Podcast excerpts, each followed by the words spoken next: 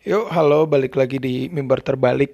Kali ini bakal diskusiin soal Yesus titik dua antara politik agama dan imperialisme. Langsung aja kali ya, biar cepet. Soalnya ada banyak eh. Jadi tema ini muncul dari pembacaanku di dua buku utama sih. Ada beberapa jurnal dan referensi lain, cuma uh, yang utamanya tuh ada dua. Yang pertama bukunya Samuel Toynbee itu udah banyak banget sejarah umat manusia. Terus buku keduanya Paul Jackson, eh Paul Thompson, eh Paul Thompson atau Paul Jackson ya lupa penulisnya. Judulnya The History of Christianity. Ada beberapa referensi acuan lain sih, kayak uh, bukunya eh tulisannya Delacroix atau tulisannya Rasnadela. Itu kalau teman-teman pengen baca ya memang tema ini juga muncul sebenarnya karena uh, beberapa mata kuliah sejarah sih, kayak sejarah Eropa. Jadi kan aku ini mahasiswa sejarah ya. Sedikit banyak belajar tentang sejarah kekaisaran Roma dan sejarahnya era Yesus gitu. Jadi ya ada sedikit konteks sih. Langsung aja deh. Jadi beberapa kali itu aku sempat ikut kelas tentang sejarah Kaisaran Romawi dari era Julius Caesar sampai Octavianus atau Kaisar Agustus gitu. Nah, dari dari apa ya? Dari beberapa pelajaran itu aku tuh menemukan beberapa fakta menarik ya tentang Yesus dan kekristenan gitu, Yesus dan konteks sosial politik. Karena gini teman-teman, keresahanku tuh ya kadang orang-orang di gereja tuh cuma nganggep Yesus kayak seorang Tuhan gitu, kayak cuma seorang apa juru selamat gitu. Tanpa benar-benar membedah, ini Yesus tuh dalam sejarah tuh posisinya kayak apa ya? Dia tuh lahir di dalam konteks masyarakat yang kayak apa gitu. Dia tuh uh, politiknya dulu konteks politiknya kayak apa gitu konteks budayanya kayak apa. Dah aku tertarik menggali itu di diskusi hari ini dan uh, ya itu sih sebenarnya. Dan ya itu keresahan awalnya dan menurutku apa ya di dalam pengalamanku bergereja gitu atau belajar di gereja tuh jarang gitu orang yang membahas sisi historis dan sisi politiknya Yesus gitu. Padahal menurutku itu kaya banget dan sangat bermakna untuk konteks gereja hari ini karena mau nggak mau umat Kristen pun kan sebenarnya hidup dari konteks politik tertentu gitu. Kita nggak nggak tiba-tiba hadir di ruang kosong dalam masyarakat tanpa politik dan dalam masyarakat tanpa problem sosial gitu loh. Kekristenan memang dari zaman Yesus hidup di ruang itu gitu, di ruang antara uh, realitas sosial gitu. Ya, jadi menurutku salah juga sih ketika gereja hari ini menjauhi diskursus-diskursus sosial politik dan menjauhi diri dari realitas sosial sih. Aduh, kepanjangan sepertinya malah jadi ke mana-mana. Oke lah, kita mulai ya jadi aku menemukan fakta menarik bahwa ketika uh, zaman Julius Caesar itu kan uh, kekaisaran Romawi itu melakukan ekspansi besar-besaran. Jadi bukan hanya kekaisaran lokal tapi kekaisaran Romawi itu uh, apa ya? membesar gitu menjadi sebuah kekuasaan imperial, menjadi sebuah uh, apa? imperium yang memiliki daerah-daerah koloni gitu dan punya negeri jajahan yang banyak. Sehingga kayak kayanya luar biasa imperium itu. Makanya kita masih mempelajari nyebut-nyebut Julius Caesar atau Kaisar Romawi karena memang dalam sejarah politik dunia sampai hari ini banyak apa ya banyak pengaruh sih dari dari imperium Romawi itu gitu walaupun walaupun sebenarnya udah 2000 tahun lalu e, masanya gitu loh nah jadi e, apa ya di eranya Yesus itu atau bahkan lima tahun sampai 10 tahun sebelum Yesus terjadi pergolakan politik ya. Jadi daerah Yerusalem, Yudea gitu sekitarnya daerah tempat Yesus hidup itu dikuasai oleh Imperium Romawi. Nah, seperti kita tahu, Imperium Romawi itu tuh menguasai sebuah daerah uh, dengan menempatkan seorang penguasa dari daerah itu. Jadi misalkan dia menaklukkan Galia gitu, Caesar menaklukkan Galia, lalu dia akan uh, mengutus seorang keper yang dia percaya untuk memimpin daerah jajahan itu yang sudah dia taklukkan gitu sebagai pemimpin. Nah, mereka nyebut daerah taklukan itu sebagai provinsi. Jadi daerah Yerusalem, Yudea sekitarnya itu dikuasain sama yang namanya Herodes. Dia penguasa provinsi Sirian. Jadi disebutnya provinsi Sirian. Nah, ke, uh, akhirnya kekuasaan Herodes ini tuh maju berkembang sedemikian rupa hingga harus apa ya hingga pas Herodes mati itu kekuasaan yang luas harus dibagi ke tiga anaknya Arkealus, Herod, uh, Herodes Philip dan Herodes Antipas. Nah mungkin teman-teman yang rajin sekolah minggu dari kecil pasti familiar dengan Herodes ya. Nah yang menarik ini kita jarang membahas sebenarnya Herodes ini tuh tokoh politik tuh punya pengaruh apa gitu loh. Nah aku menemukan fakta menarik kalau Herodes ini di dalam provinsi Syria punya uh, hubungan yang baik dan hubungan yang mesra nih tanda kutip mesra dengan orang lokal uh, penguasa lokal gitu loh. Jadi Herodes akrab banget dengan um, bangsawan-bangsawan Yahudi gitu. Pemuka agama Yahudi. Jadi orang-orang Yahudi di masa itu akrab banget sama Herodes. Padahal orang Yahudi dan penguasa-penguasanya itu kan apa ya orang jajahannya si Herodes ini gitu orang jajahannya Roma tapi mereka punya keterkaitan yang hubungan yang mesra. Nah, kalau pertanyaan selanjutnya kenapa? Karena Herodes ini butuh kepanjangan tangan ya. Ini kasusnya sama dengan hampir semua kas apa ya studi penjajahan di seluruh dunia ya. Kalau penguasa kalau penguasa jajahan tuh selalu punya kepercayaan punya orang lokal kepercayaan gitu loh yang pada pada akhirnya banyak membantu secara politis gitu kalau di Indonesia kita kenal misalkan kisahnya Multatuli gitu. Belanda memakai pejabat-pejabat lokal, para bupati misalkan. Di kisah Multatuli kan dikisahkannya kayak gitu. Jadi Belanda selalu orang yang menjajah itu selalu punya tangan kanan orang lokal nih gitu untuk menolong secara politik. Itu juga yang terjadi di zaman Herodes gitu. Bahwa pemuka agama Yahudi itu punya banyak ke keistimewaan nih gitu uh, mereka punya hak ekonomi yang setara gitu sama orang-orang Roma gitu. Jadi mereka nggak nggak dianggap sebagai orang jajahan banget. Nah, bahkan fakta menariknya ya, uh, ini di Paul Paul Jackson tuh ngutip, uh, aku ngutip dari Paul Jackson bahwa Herod the Great ini Herodes Agung membangun ulang bait Allah di Yerusalem. Jadi Herodes Agung bahkan ikut membesarkan bait Allah gitu loh, membangun ulang bait Allah. Seperti kita tahu, seperti kita tahu kan, maksudnya orang Yahudi itu uh, sentra keagamaannya atau tanda kutip Mekahnya itu kan bait Allah gitu. Kiblat ibadahnya selalu ke bait Allah dan bayangin Herodes Agung membangun ulang bait Allah lebih megah dua kali daripada apa yang dibangun Salomo gitu loh. Jadi kita bisa menemukan apa ya fakta bahwa Eh, orang-orang Yahudi atau bahkan kita bisa sebut agama Yahudi di masa itu punya keter keterkaitan yang sangat mendalam dengan uh, imperium gitu, dengan kekuasaan Herodes. Fakta berikutnya orang-orang Yahudi ini yang yang disupport dan didukung Herodes secara ekonomi dan politik menjadi kelas menengah bangsawan yang kaya dan mereka punya pengetahuan Helenistik gitu ya mereka punya pengetahuan yang sama seperti orang Romawi gitu. Mereka punya apa instrumen ekonomi gitu ya, punya uh, apa lingkaran ekonomi distri, distribusi produksi dan konsumsi yang yang serupa gitu dengan orang-orang Roma. Jadi mereka sama kayanya dan kedudukan sosialnya itu setara gitu dengan orang-orang yang menjajah mereka gitu. Nah, itu kan fakta menariknya. Kita bisa lihat kasus-kasus itu terjadi di wilayah-wilayah besar kayak Yerusalem gitu atau daerah-daerah diaspora gini daerah-daerah migrasi orang-orang Yahudi kayak Alexandria Alexandria di Mesir atau Efesus gitu di Asia kecil jadi itu realita sosial ekonomi di masa Yesus ya nah e, menurutku ini ini konteksnya gitu inilah kenapa Yesus selalu mengkritik orang Yahudi khususnya mazhab dari mazhab Farisi atau Saduki gitu ya.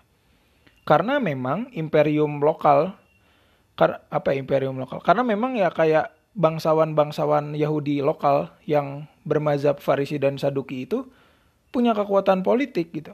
Mereka membentuk tanda kutip kerajaan kecil sendiri di Yerusalem. Mereka mendirikan mahkamah agama, mereka bebas mengeluarkan fatwa, mengeluarkan apa ya, himbauan-himbauan politik untuk untuk masyarakatnya gitu. Jadi mereka tuh apa orang-orang uh, pemuka dan bangsawan Yahudi ini punya punya kekuatan politik yang luar biasa besar gitu.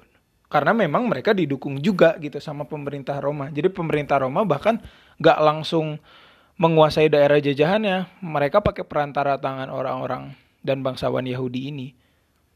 Dan it, mereka lah yang dikritik Yesus sebetulnya. Orang-orang Saduki Farisi gitu. Nah, Paul Jackson lagi menyebut gitu kalau Saduki Farisi ini bisa digolongkan jadi sebagai aristokrat lokal gitu ya, sebagai penguasa lokal yang mendukung Imperium Roma gitu dan perpanjangan tangan dari uh, imperialisme Roma gitu terhadap daerah Yahudi ya orang-orang Yahudi gitu, Yerusalem, Yudea dan sekitarnya gitu. Nah, inilah yang menurutku menarik fakta bahwa orang-orang Saduki Farisi itu kaya, konservatif, punya aliansi besar yang yang kuat secara politik ya. Punya mahkamah agama Sanhedrin dan bisa memiliki kekuatan sedemikian rupa untuk mengatur kondisi masyarakat jajahan gitu. Padahal mereka kan bukan penjajah gitu, mereka elit lokal. Nah, di sisi lain realitanya, di misalkan kayak masyarakat di Galilea gitu, tempat Yesus melayani.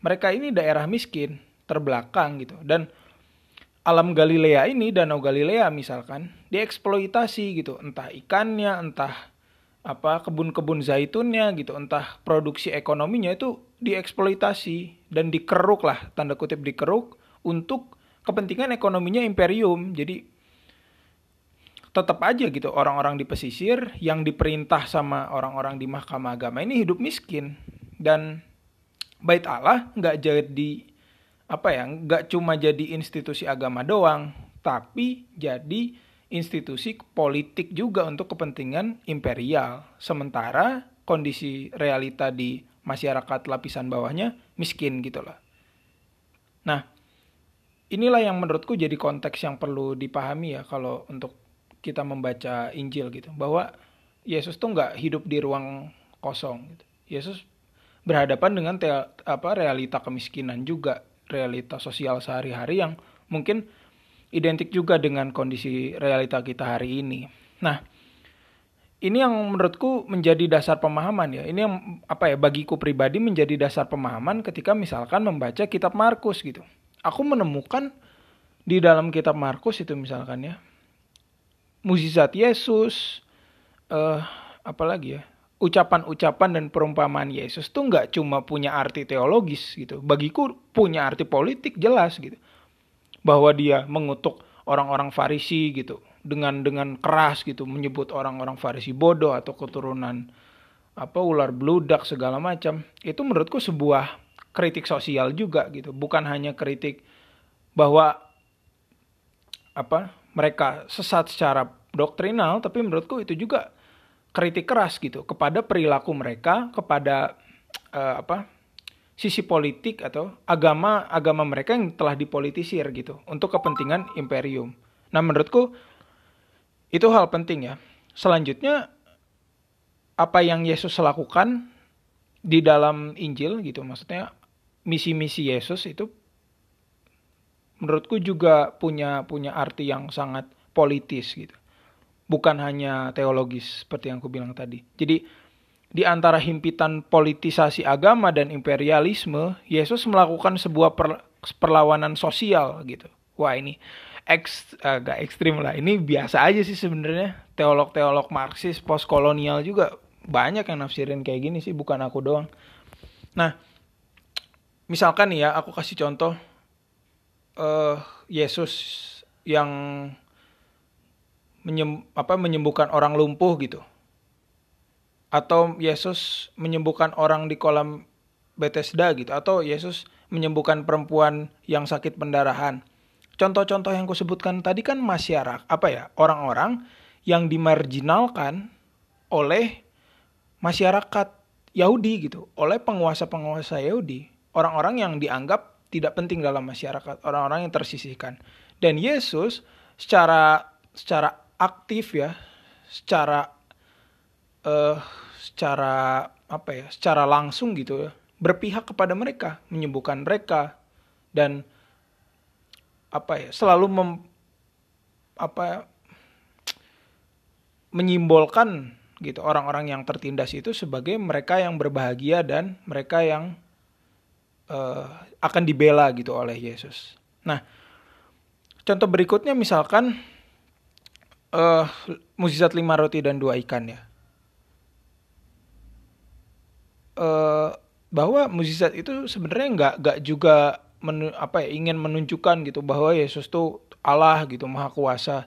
Nggak hanya itu bagiku mukjizat itu pun menunjukkan arti bahwa orang-orang di Galilea, orang-orang yang nggak bisa menikmati ikan ya tanda kutip ikan dan gandum hasil dari alamnya sendiri diberikan oleh Yesus gitu. Dikembalikan lagi apa yang menjadi hak politik dan ekonomi mereka oleh Yesus dikembalikan gitu loh.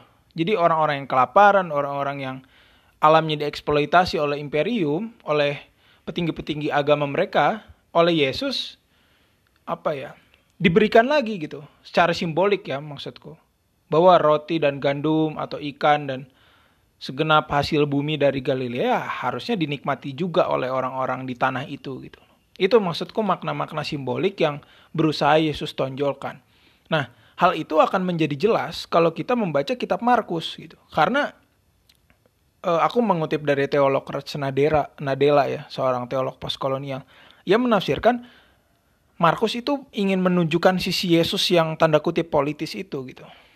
Bahwa apa kalau membaca Markus kita akan menemukan wajah Yesus yang anti imperial, anti imperium, imperialisme dan selalu berpihak kepada yang kalah dan uh, marginal gitu loh. Nah, menurutku tinjauannya Ratsunadela ini menarik banget ya.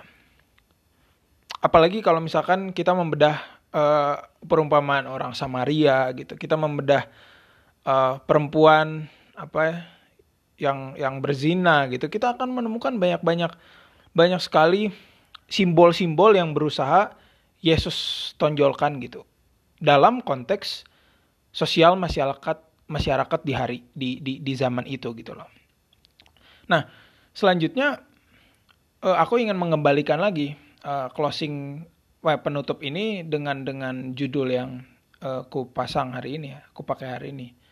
Jadi apa yang Yesus lakukan di antara politisasi agama dan imperialisme? Apa yang Yesus lakukan adalah mengembalikan hak-hak orang tertindas, misal misalkan dalam kasus yang ku sebut tadi ya, orang tertindas dalam artian orang-orang di pesisir Danau Galilea, perempuan yang sakit pendarahan bertahun-tahun, orang-orang kelaparan gitu. Yesus mengembalikan lagi hak mereka yang dikeruk gitu, hak mereka yang dirampas oleh uh, imperium dan oleh petinggi-petinggi agama mereka. Jadi ke mana Yesus berpihak dalam ketimpangan ekonomi, ya jelas kepada orang-orang yang marginal gitu.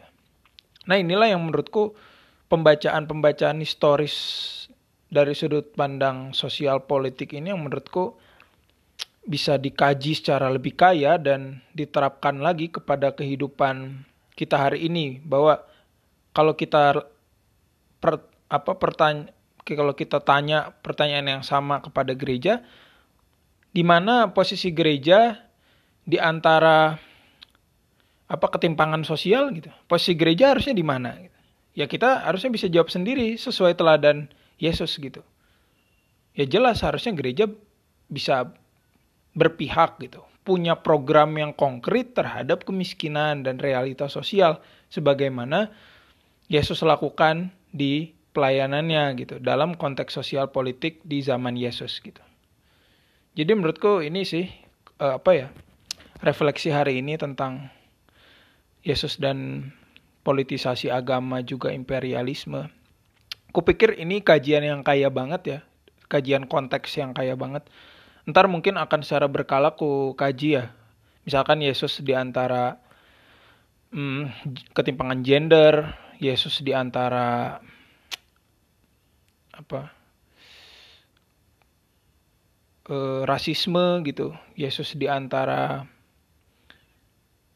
banyak hal sih sebenarnya yang bisa dikaji sih. Mulai dari ya seperti kau sebut tadi sih, gender, sosial politik, kultural, dan kupikir itu juga bisa direfleksikan untuk kondisi gereja hari ini gitu. Jadi sekian lah hari ini. Sudah cukup panjang 20 menit sekian. Dah, dah lah, dah.